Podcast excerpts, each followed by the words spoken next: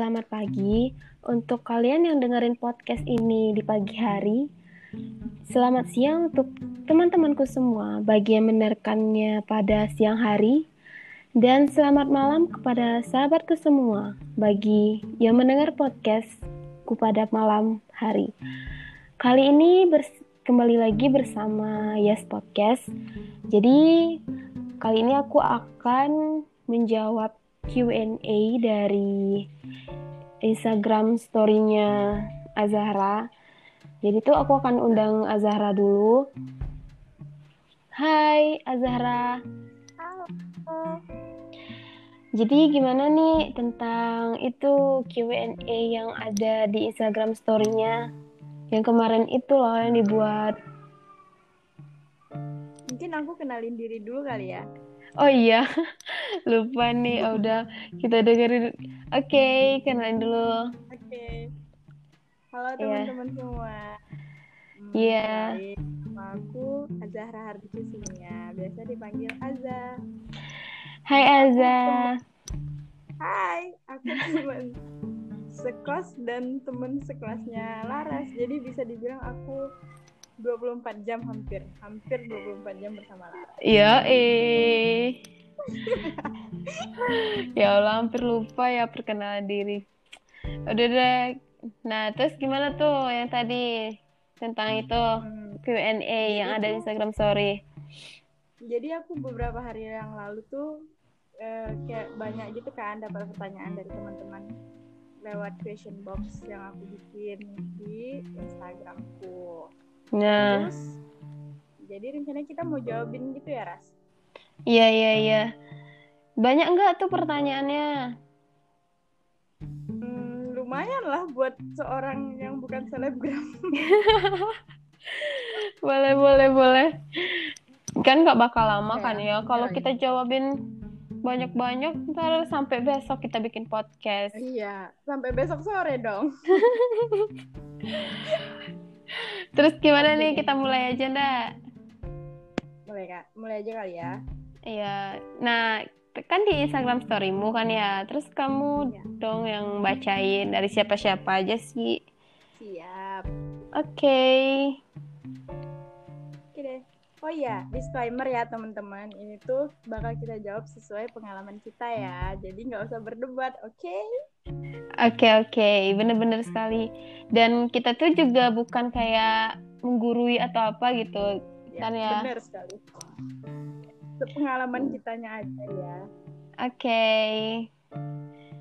Sejarah kan okay. kita baru gimana di kampus itu baru satu tahun ya. Terus ya. kayak ya belum banyak juga lah pengalaman. Tapi setidaknya bisa lah kayak berbagi. Yep. ya. Langsung aja nih. Ya langsung lah. Oke deh jadi tanya pertama pertanyaan pertama. Ya. Dari Najila 14 Kak, gimana sih cara ngatur waktu selama jadi maba? Kalau menurut Aras gimana? Cara ngatur waktu ya. Aduh aku aja nggak nggak bisa ngatur waktu. Jadi kayak gimana ya? Kebanyakan sih kalau pengalaman aku selama di kampus selama kuliah itu tuh aku misalnya kuliahnya pagi paginya sampai siang. Nanti kalau siang tuh aku akan istirahat dulu. Tapi nanti kadang kalau ada jam nanti aku kuliah lagi. Kan dalam sehari itu ada pokoknya ada tugas gitu kan ya diberikan sama dosen. Tapi aku nggak langsung bikin gitu. Tapi aku bikinnya tuh minggu depan misalnya tugasnya tuh dikumpulinnya hari Senin. Hari Senin kan hari Senin depan. Uh, terus aku bikinnya tuh hari Minggu malam. Itu kayak kepepet tapi jangan ditiru-tiru ya teman-teman. Itu tuh nggak baik sebenarnya Iya, itulah kalau aja gimana nih? Kalau aku sih kayak gitu, aku nggak tahu kayak gimana. Yang sebenarnya ngatur waktu itu kayak gimana gitu. Hmm, gitu. Kalau ya. dari aku ya, huh? itu biasanya aku aku sok-sokan nih tapi bener aku ngelakuin. Jadi aku kayak mikirin sebenarnya yang prioritas tuh yang mana duluan gitu. Jadi kayak misalnya kan biasanya kalau awal semester tuh banyak bakal banyak banget ditawarin organisasi gitu kan. Iya iya iya. itu aku tuh di situ kayak uh, kan aku baru pertama kali jadi mahasiswa kayak masih baru masih mengenal. Jadi kayaknya uh, aku saat uh, kemarin tuh aku uh, belum ikut organisasi gitu-gitu. Jadi aku kayak masih menikmati ma apa masa-masa menjadi mahasiswa kayak uh, menikmati ngerjain tugas gitu. Jadi aku yeah, yeah. kan belajarnya dulu gitu. Mungkin mm. selanjutnya aku uh, bakal ngambil organisasi gitu Iya, pantasan sih waktu itu ada acara di jurusan kan kita se apa tuh kayak yeah. ada acara jurusan gitu, nggak ada nampak aza gitu kan. nggak itu sebenarnya nggak aku nggak datang tuh karena aku emang ada acara gitu. Oh iya. Aku datang, aku kalau ada acara insya Allah datang. Gitu teman-teman. terus terus apa lagi nih? Next ya. Ya. Hmm gimana sih cara biar kuliah nggak ketet eh, oh ya aku lupa sebutin namanya. Jadi pertanyaannya dari Ari Arja hanya ada tiga. Harus dijelasin ya. Iya. dia nanya gimana sih cara biar kuliah nggak keteteran walau ikut acara-acara jurusan? Lah menurut Aza dulu lah. Menurut aku ya Iya. Kan semester satu aku udah nggak ikut organisasi kan kayak udah fokus mau jadi mahasiswa beneran mau ngerjain tugas kumpul mm -hmm. lah istilahnya iya yeah. terus yang kedua aku mau ikut-ikut tuh acara-acara gitu, gitu kan mm -hmm. cara waktunya ya kalau menurut aku sih hmm, biar kuliah nggak keteteran tuh kayak ya sama kayak tadi kayak kita lebih mempri uh, kita harus milih mana yang lebih prioritas buat kita. Jadi kayak misalnya uh, misalnya kemarin kita ada acara gitu ya Cio, eh, Laras. Di boleh nggak sih aku manggil Cio aja nggak apa-apa nggak apa-apa. Kebiasaan kali ya. Iya jadi guys aku dipanggil Cio kalau di kampus. Cio guys. Nah kita lanjut jawab aja ya. Oke. okay semester kemarin sebelum ada Korencai kita kan ada acara gitu ya Cio ya hmm. terus sebelumnya kita kayak kemah jurusan gitu mm -mm. Uh, gimana cara bagi waktunya biar nggak keteteran kuliahnya? Ya gitu kayak misalnya malam kita latihan berarti kayak misalnya dari pulang kuliah misalnya kita pulang kuliah asar. Nah dari asar sampai uh, menuju maghrib itu kita benar-benar maksimalin buat ngerjain tugas gitu. Hmm. kadang aku tuh hmm, pas hari Sabtu Minggu kan libur pas di weekend itu aku ngerjain tugas. Jadi uh, buat bes minggu depannya tuh aku kayak udah santai gitu. Kalau aku sih gitu. Kalau menurut Cio gimana? Nah itu kembali ke pertanyaan yang tadi itu loh yang apa? Yang pertanyaan yang pertama tadi itu kan aku kalau bikin tugas tuh yang itu ya aku jelasin. Misalnya yang hari Minggu dibuat tugasnya malam untuk dikumpulin hari iya. Senin. Sebenarnya kalau menurut aku menurut aku pribadi sih pengalaman emang aku emang kayak gitu biasanya dari dulu. Dan uh, keteteran atau nggak keteteran ya itu sebenarnya resiko kan. Karena kita kita yang buat kayak gitu. Iya uh, tapi menurut aku sih kalau misalnya aku kayak gitu aku nggak keteteran. Malahan kalau misalnya aku bikin yang uh, kayak gitu itu kayak udah maksimal menurut aku. Malahan kalau misalnya aku bikin tugas dari uh, awal jauh-jauh hari itu tuh kayak ya gitu. Kayak malas gitu aku gitu. Ha kayak nggak ada semangat untuk buat tugas gitu. Ya, ya. Terus kan kalau misalnya kan kita kalau jadi jurusan tuh kalau di jurusan kita kan misalnya kan ada lati uh, ada acara gitu kan. Terus kan latihannya kan kalau nggak sore terus kan malam. Uh, terus kan kalau aku bikin tugasnya itu malam antara jam naik sepuluhan ke atas gitu kan biasanya. Kadang sampai tak nggak tidur dan jangan ditiru ya teman-teman. Nah itu tuh kan apa salahnya kita ikut apa acara itu yang ada di jurusan. Kan kita nggak ada kegiatan juga gitu. Mau bikin tugas aja kita nggak uh, itu kayak nggak niat misalnya. Nah apa salahnya kita pergi latihan gitu ikuti acara. Ya gitu jadi kita bisa tahu ya Cio tuh orangnya tipe yang uh, deadlineers banget kalau aku iya uh, aku bener. deadline gitu aku malah panik jadi ntar nggak ngerti bakal ngerjain apa nah, nah ya Nah, aku lebih baik dari jauh-jauh hari. Tapi kalau Cio mungkin lebih mudah mengerti kalau misalnya mendekati. Jadi tergantung. Nah, iya. Uh, uh, aku juga lihat Azza gini, guys. Kalau Azza tuh dia kalau misalnya ada tugas dia langsung kayak kerjain gitu. Misalnya uh, hari ini diberi tugas. Nah nanti langsung dikerjain kalau misalnya ada waktu yang senggang. Aku nengok Azza tuh kayak gitu gitu. Sampai sekarang pun.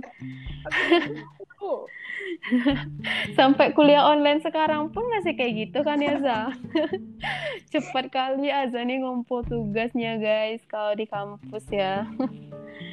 Jangan lupa di save ya guys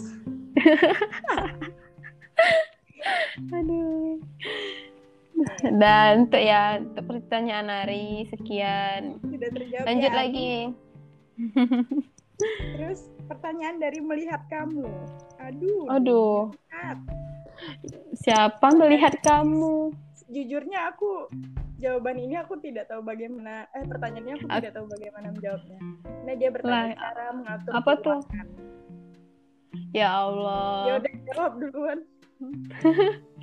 Oke lah, aku jawab dulu lah. Eh, kayak mana ya? Jadi kan ada beberapa orang tua yang kayak mengirimkan beras atau mengirimkan sambal gitu kan bagi dia tuh yang dekat-dekat sekitar Sumatera Barat misalnya kalau aku di Saulunto terus kan ke Padang dikirim itu kan bisa kayak dikirim beras atau sambal gitu dan tapi orang tua tuh juga ngirimin uang gitu kan. Nah, kok jika kita udah dikirimin beras sama sambal itu apa salahnya kita kayak menghemat uang dan kita tuh uh, setidaknya udah bisa lah untuk makan aja. Kalau yang uang tuh kalau bisa disimpan. Kalau misalnya nggak perlu-perlu kali untuk membeli-beli sesuatu gitu, kayak disimpan. Tapi aku tuh nggak bisa kayak gitu sebenarnya. Aku tuh juga nggak tahu kayak mana cara mengatur keuangan itu. Tapi pesan lah untuk teman-teman kalau misalnya mengatur uang tuh perlulah sejak sejak ke kapan ya? Iya sejak dini lah gitu. Sebenarnya itu kayak uh, apa emang berguna gitu untuk ke depannya. Ya kak sih? Uh -uh. kalau menurut Aza gimana? Menurut aku ya sejujurnya hmm. aku adalah orang yang sangat tidak pandai mengatur keuangan. Jadi selalu aku kadang aku sadar gitu ya Allah nggak boleh boros nggak boleh boros. Tapi ntar kalau udah melihat sesuatu yang lucu aku kilaf gitu loh. Iya iya iya. Aku nggak ngerti tapi mungkin kayak aku pernah nanya juga ke orang-orang gimana sih caranya biar hmm, bisa ngatur keuangan jadi aku pernah nanya tuh jadi salah satu teman hmm. kita namanya Karlin dia pernah ngasih tahu kalau misalnya mau ngatur keuangan tuh paling gampang kita siapin amplop itu tuh uh.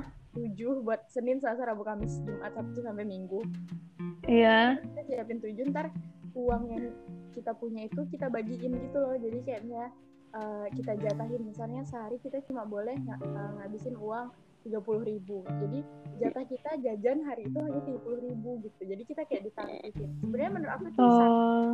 sangat, sangat worth it ya. Tapi aku tidak hmm. pernah tiap aku mau mencoba aku selalu hilaf gitu. Iya iya iya. Bener-bener. Iya nggak. Biasa kita coba deh kalau misalnya udah nggak online lagi kalau sekarang mah kita di rumah aja kan kita nggak diberi uang. Maksudnya tuh ya kita sama orang tua lah makan gitu. Jadi kayak jajan tuh sedikit lah gitu. Iya tidak banyak pengeluaran. Iya uh. sudah terjawab ya melihat kamu. Mm -mm. terima kasih melihat kamu. Oke. Okay. selanjutnya siapa lagi tuh? Rada Radani Dewi underscore yang paling mm -hmm. siapin buat kuliah di luar apa aja? Waduh, di luar apa nih? Di luar negeri kali? Di luar negeri, luar kota, pokoknya di luar daerah. Iya, iya. Kalau menurut aku ya, uh, aku kasih tiga poin aja. Yang pertama tuh, persiapkan diri. Itu kan penting kan ya. Terus yang kedua, carilah informasi kampus yang kita tuju dengan teliti. Misalnya kita maunya di UNP, jurusan BK, ya kita harus carilah informasi tentang itu dan tentang jurusannya. Promosi ya Bu ya? Tuh. Terus yang terakhir, jangan lupa pikirkan tentang rencana pembiayaannya gitu. Misalnya uh, di daerah itu misalnya kayak kita nih di Padang, ah, gitu kayak pembiayaan hidupnya tuh mahal atau enggak gitu bisa dijangkau atau enggak. Kan ada beberapa daerah misalnya yang uh, kehidupannya itu emang kayak ada yang mahal-mahal gitu loh biaya hidupnya gitu ha jadi lihat-lihat dulu. Nah gitu kalau menurut aku. Nah terus menurut kamu gimana? Kalau menurut aku ya mm. paling penting siapin itu pertama mental. Karena yeah. kalau nggak kuat ya susah sih ya kayak ya susah lah pokoknya kalau mental kita tuh ke daerah orang yang kita belum belum pernah tinggal lama di situ. Jadi kita mental sangat harus sangat amat penting. Lalu iya iya. yang tadi keuangan jadi kita kayak harus tahu gitu keuangan kita sama uh, keuangan di daerah kita sama di daerah yang bakal kita jadiin perantauan itu gimana? Apakah mm -mm. Uh, mencukupi kalau misalnya kita membawa uang segini gitu? Iya iya. Kesehatan sih kalau misalnya kita kayak kita baru nyampe di luar dan kita sakit itu kan nggak nggak lucu kan? Mm -mm. itu juga penting. Kalau aku sih itu ya. Iya iya. Bener sih apalagi kan kita kayak jauh ya misalnya dari orang tua. Apalagi kalau misalnya kita baru itu tuh kayak langsung sakit misalnya. Kadang oke okay lah kayak penyesuaian daerah. Iya. kalau misalnya kita terus-terusan sakit dan kalau kita kasih tahu ke orang tua kan kayak khawatir orang gitu. Jadi kalau misalnya kita uh -uh, kalau misalnya kita sakit sebaiknya tuh janganlah dikasih tahu ke orang tua maksudnya tuh kayak minta bantuan aja sama teman kosnya atau teman-temannya gitu tapi jangan dikasih tahu orang tua dulu itu pesannya Hmm, terus apa lagi? Ya, Dani Dewi. Ya, terima kasih. Yang lain, ya. Um, lebih baik masuk organisasi apa apa enggak? Oh, dari uh apa underscore dia nanya lebih baik masuk organisasi apa enggak kak? Kasih alasan ya gitu. Oh gitu. Menurutmu gimana tuh? Kalau aku ya? Hmm. uh, ini kan jawaban pribadi aku ya teman-teman. Jadi eh. misalnya di semester satu tuh mending nggak usah dulu. Maksudnya kayak kita lebih lihat situasi dan kondisi gitu loh kayak kita hmm kan nanya-nanya sama senior. Ini ya mm -hmm. senior kita nanya kalau misalnya gabung organisasi ini bagus nggak kak? Gabung organisasi itu bagus nggak kak? Ntar kita gimana? Pokoknya di semester satu tuh puas-puasin kayak uh, bener-bener mengenal diri kayak mengekspos diri tuh uh, ya sebagai mahasiswa baru. Jangan kayak terlalu barbar gitu sih kalau menurut aku ya. Iya iya iya organisasi apa yang bagus buat pertama kali sih buat pertama kali kita jadi maba di perantauan itu ya? Kalau menurut aku kayak organisasi daerah asal gitu loh. Cio ada kan? Oh iya iya tahu-tahu. Aku itu uh, itu sih yang aku ikutin kan yang di semester menurut aku tuh kalau misalnya kita ngambil organisasi itu jadi kalau kita lagi kangen pun kita ngumpul sama orang-orang da dari daerah asal kita jadi kayak terobati lah sedikit kangen. Mm, -hmm. Iya iya benar-benar. Kita kan baru datang nih ke kota orang, jadi kemungkinan besar orang yang bakal kita kenal ya orang dari daerah asal kita. Iya iya iya. Aku sih organisasi dari daerah itu bagus banget buat diikuti sih. Mm -hmm. Kalau aku mbak lebih baik masuk organisasi atau enggaknya tuh kan ya tergantung diri kita juga kan. Kalau misalnya aku dulu kan aku di sekolah emang kayak introvert gitu. Aku nggak pernah masuk organisasi gitu kan ya. Terus pas udah masuk ke kampus, aku mencoba menjadi kayak orang yang apa tuh namanya aktivis gitu kan ya masuk organisasi tapi itu tuh dimulai dari kayak ngikutin acara dulu bukan masukin bukan bukan masuk ke or, langsung ke organisasi. Maksudnya tuh kayak ada acara jurusan bagian tuh kan acara gitu ya. iya itu tuh dulu yang merintis dari bawah lah. Terus kayak beranjak ke iya yang organisasi daerah tuh aku juga ada tuh terus kayak organisasi apa lagi? Himpunan mahasiswa jurusan. Nah itu tuh penting banget kalau misalnya kita mau ikut organisasi yang paling dekat kita dulu yang ada di dalam lingkup rumah kita di jurusan itu namanya himpunan mahasiswa jurusan gitu. Jadi di kampus tuh kan juga banyak tuh organisasi kayak misalnya ada olahraga. Nah olahraga tuh kan itu tuh unit kegiatan uh, mahasiswa gitu kan. Jadi itu kan lingkupnya besar. Orang-orang yang masuk ke dalam sana itu kan dari berbagai fakultas yang ada di univ itu. Terus apa salahnya kita kayak masuk ke organisasi itu dan kita nemuin orang-orang yang emang punya uh, tel talent gitu loh. Jadi tuh kita kayak bisa berbagi pengalaman juga gitu. Ha. Terus, ah ya, terus kalau misalnya kita udah ikuti sebuah organisasi. Terus kita kenal dengan orang itu. Nah ketika orang itu sukses nanti karena dia ingat kita temannya dia bisa nolongin kita kalau kita minta bantuan ke dia gitu loh. Ngerti nggak? Ya. relasi gitu ya? Ah iya. Makanya kita harus bangun relasi itu di kampus. Nah itu tujuannya kalau kita ikutin organisasi Jangan pikirkan kalau organisasi itu kayak memperlambat kuliah, kayak gitu loh. Kan ada tuh orang yang bilang, ngapain sih organisasi kayak buang-buang waktu, baguslah kita kuliah aja, ngapain kita kayak ikut-ikut organisasi gitu. Ah. Ya, ya kan? Nah itu, itu aja sih menurut aku. Nah. Kan aku, aku tuh cuma memberitahu ya kalau aku tuh menjadi kupu-kupu hanya semester satu. Karena aku yeah. memang orangnya kayak kalau di awal-awal ya aku melihat situasi dan kondisi dulu. Nggak bisa kayak orang yang uh, pas baru ketemu langsung kayak langsung gimana ya langsung mau ikut ini mau ikut itu. Aku tuh nggak bisa gitu. Mm -hmm. orangnya seperti itu. Jadi insya Allah doakan semoga aja rajin dan mengikuti organisasi-organisasi. Iya. Orangnya ekstrovert, tenang aja. Kalau awal-awal introvert, nanti lama-lama ekstrovert. Nggak apa-apa lah jadi orang ekstrovert biar kita banyak relasi kan. Yep. Karena relasi juga penting banget ya. Mm -mm. Pentingnya tuh nanti untuk ke depannya ya nggak sih? Ya, jadi buat teman-teman. Ya. Boleh banget diikutin. Tapi ya kita uh -uh. harus prioritas. Mm -mm. Ya, terima kasih. Siapa tadi tuh Dea ya? Dea Angela. Ya, thanks Dea. Iya. Lalu pertanyaan selanjutnya dari Intan Ariba. Intan mm. Ariba. Intan lah pokoknya. dia nanya, gimana cara biar mudah beradaptasi selama jadi maba?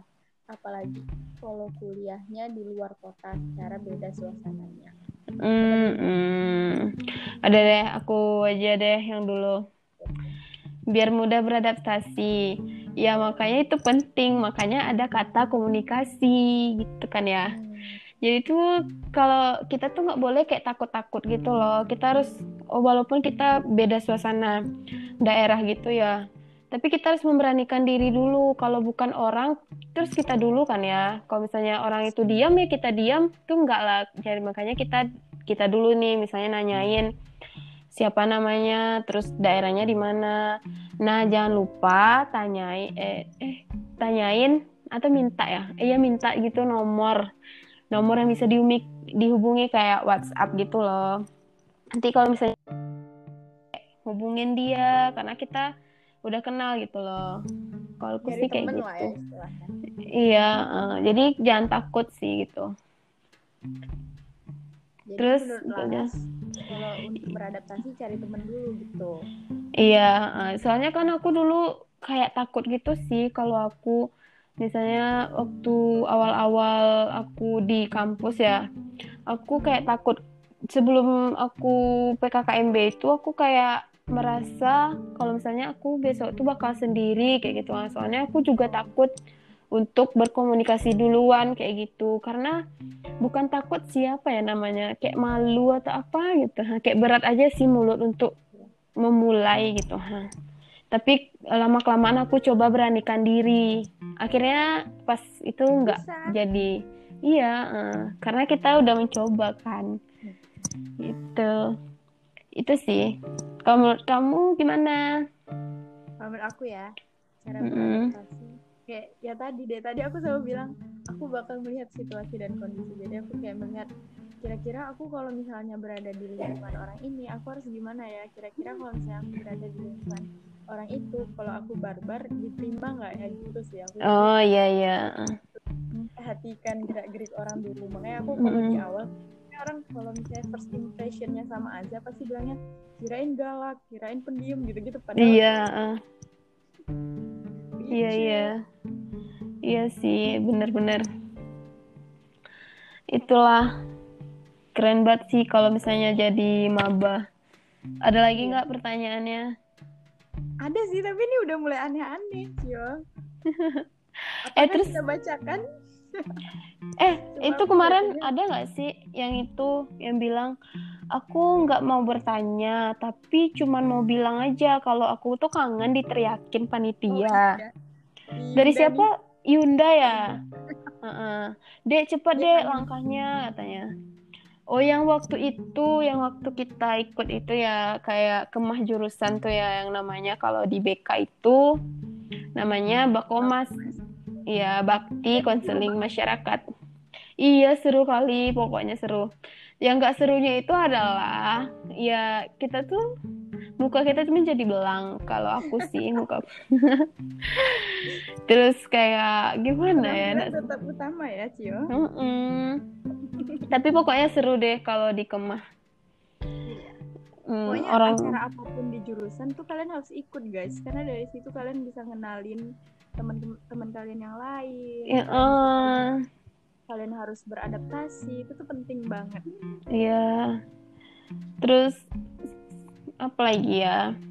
Dan kita tuh kayak uh, senior kita tuh kayak baik-baik banget gak sih sama kita gitu waktu di itu? ya, iya uh, terus kayak sebenarnya uh, kita tuh harus dekat sama senior kita gitu loh. Maksudnya tuh kan dia yang bakal ngebimbing kita. Uh, terus apa salahnya kayak kita mendekati ke senior kayak gitu mendekatkan diri lah namanya. Itu kadang kan ada tuh kadang kan ada tuh orang yang takut sama senior katanya takut di inilah jujur takut saya, di itu saya itu saya jujur itu saya. Kenapa takut sama senior? Itu kan aku tuh di awal-awal tuh nggak berani gitu. Jadi kayak mm. apakah aku pantas berbarbaria sama senior? Gitu loh. Nah tanya kan bisa tuh sekarang berbarbar kan. Ternyata emang emang welcome gitu kalau senior di jurusan kita ya. Tapi nggak tahu sih di luar. Senior tuh pada baik-baik asal kita berperilaku yang baik. Nah ya nggak perlu sih ditakuti senior tuh aja minta dihargai. Karena kalau dia dihargai dia pasti juga menghargai kita ya kan? Walaupun kita emang di bawah dia gitu. Bener banget. Ngomong-ngomong hmm. tentang senior ada nih pertanyaan dari Wahyu 1014 kelahi sama senior boleh nggak kak? Aduh kelahi. Ya Allah kelahi.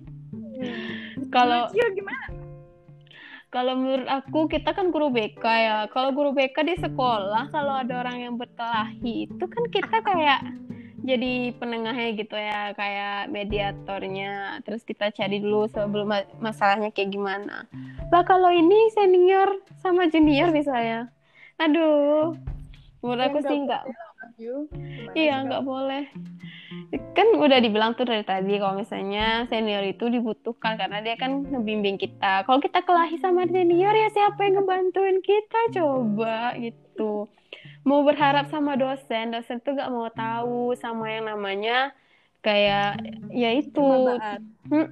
Dosen tuh hanya kayak mengajarkan memberikan ilmu saja gitu. Kalau tentang tentang karakter mahasiswa itu bukan kayak urusan dosen jadi kita harus kayak mengontrol diri karena kita kan sudah besar nggak mungkin lah kita diatur sama guru lagi nggak mungkin diatur sama dosen Hmm, benar banget. gitu Jadi Ya kalau kan? ada senior kita yang denger, Kak Bang, kayaknya Wahyu ada dendam nih. maafkan Wahyu ya kak Iya kak bang Hmm. Sebenarnya banyak pertanyaan yang agak melenceng ya, kayak misalnya dari Amalia Apa? Kak, kalau udah Eh. jadi mahasiswa itu boleh pakai baju bebas ya? nggak pakai karung aja kali ya Kalau aku uh, kayak Eh. misalnya teman-teman yang kuliah di kesehatan malah pakai seragam gitu kan? nah benar Gitu kan? yang warna putih kan ya warna putih Mm-mm. Jadi Heeh. semuanya bebas teman-teman. Iya, tergantung. Kadang tergantung itu juga nggak sih kayak jurusan sama kampus juga gitu, ha. Tergantung kampusnya bagaimana. Mm-mm. Terus- Itu.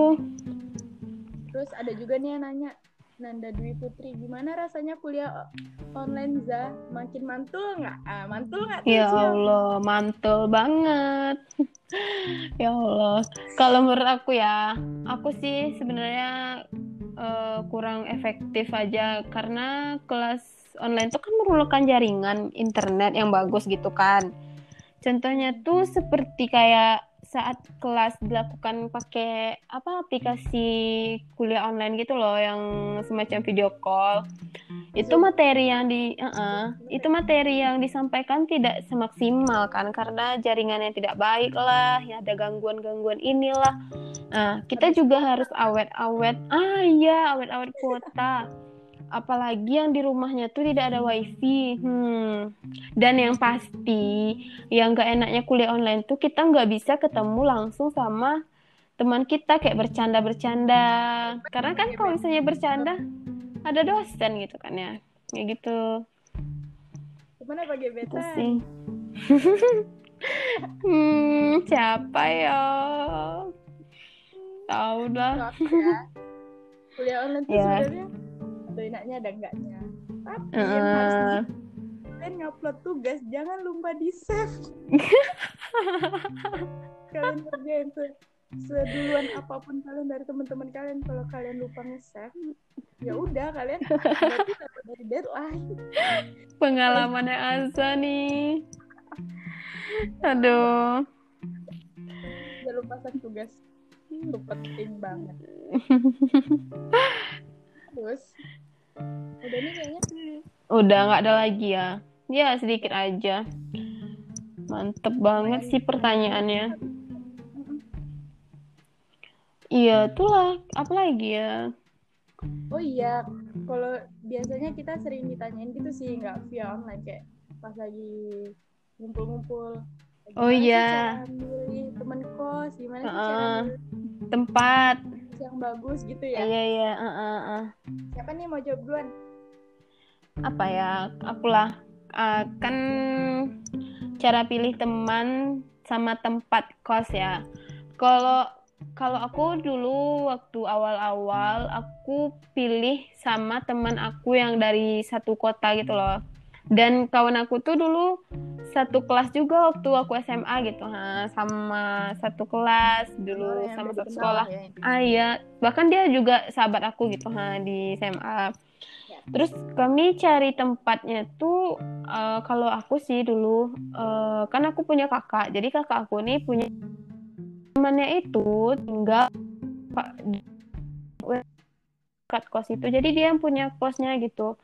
Terus karena itu kak temannya kakakku jadi itu langsung tuh ha. Dan aku ya. Heeh. Dan aku tuh langsung kayak setuju gitu karena aku ya yang penting tuh tempat tinggal gitu yang ada dulu gitu ha nggak perlu di di mana di mana ya gitu pokoknya ada dulu gitu dan sampai sekarang aku masih di situ kan kita di situ kan bersama aku iya. Jadi ya teman aku tuh yang lama tuh dia pindah tempat temannya dan eh, Azza teman aku pindah tempat sama gitu sama kos kami.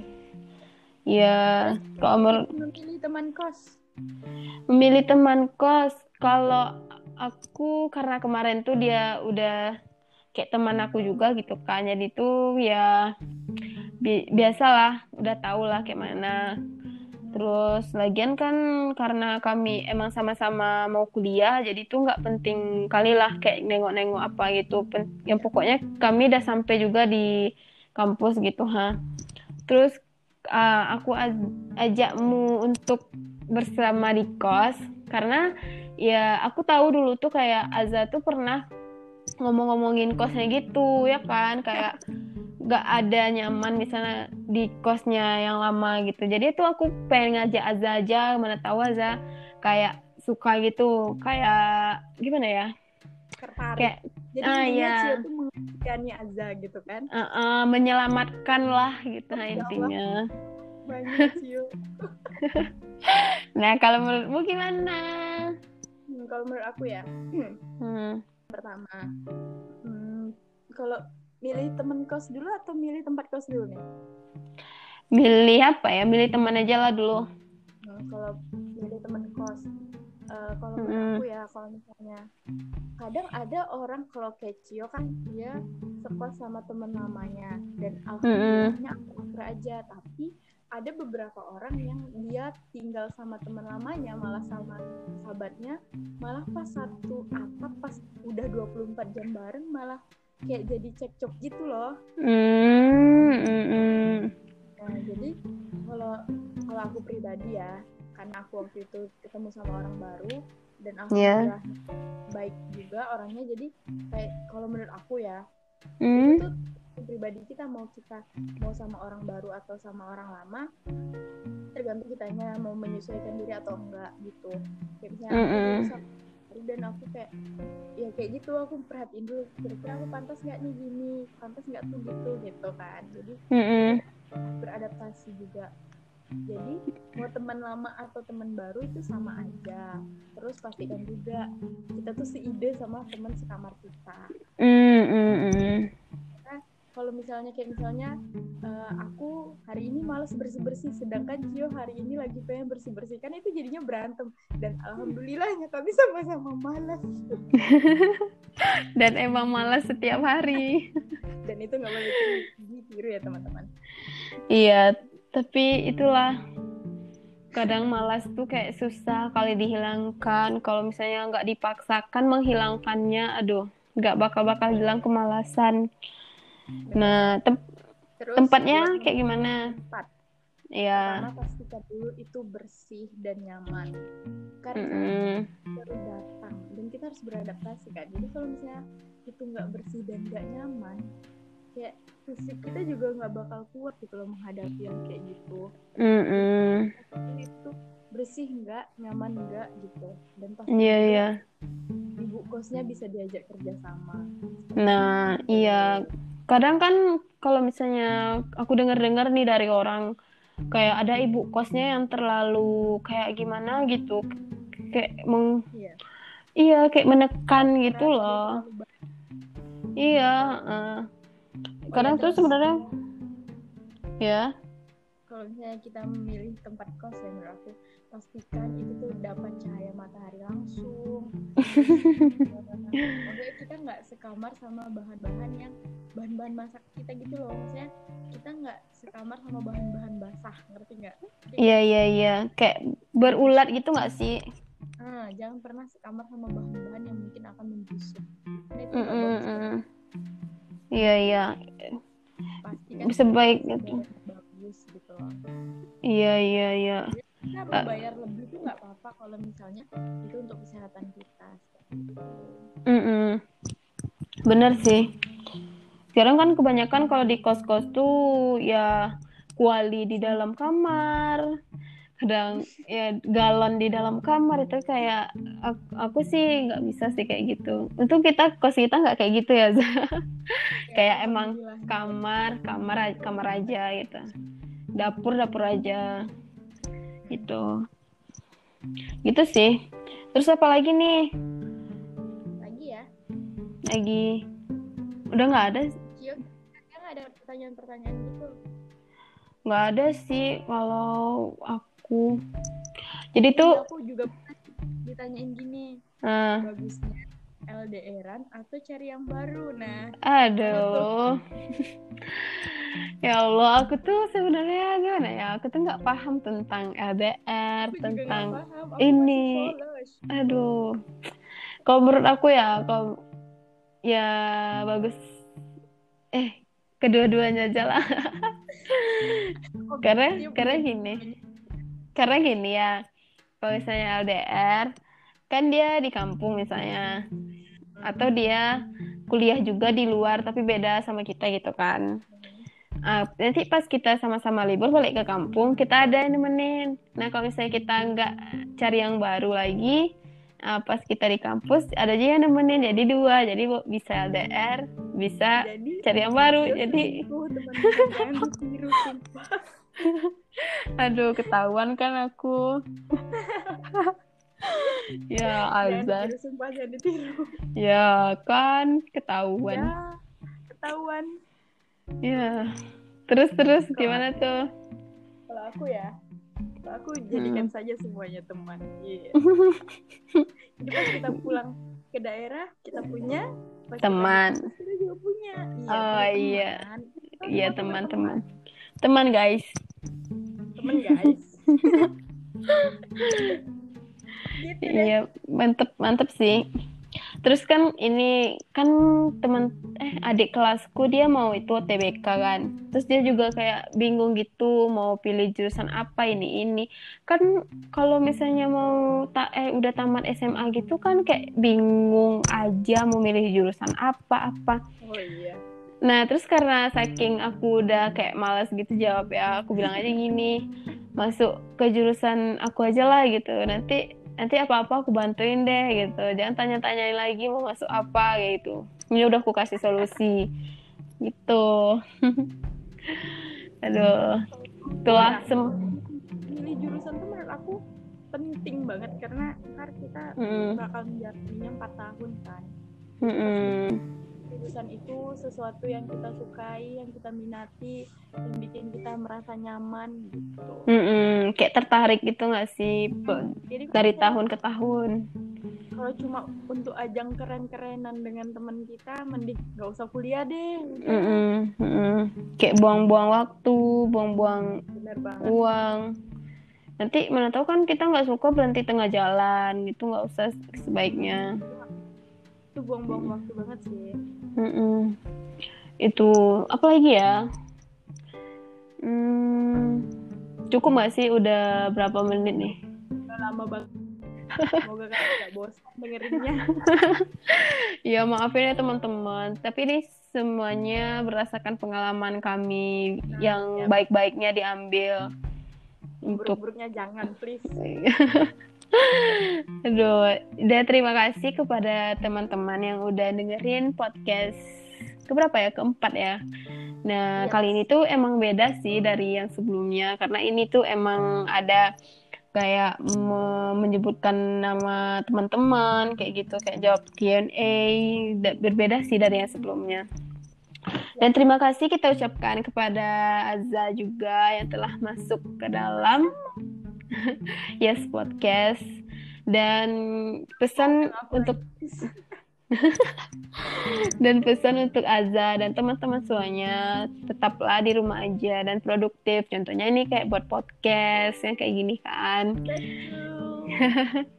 Dan jaga juga kesehatan Azza dan teman-teman semuanya. Dan semangat setiap harinya. Semangat semangat dah terima kasih. Terima kasih. Dan assalamualaikum warahmatullahi wabarakatuh. Waalaikumsalam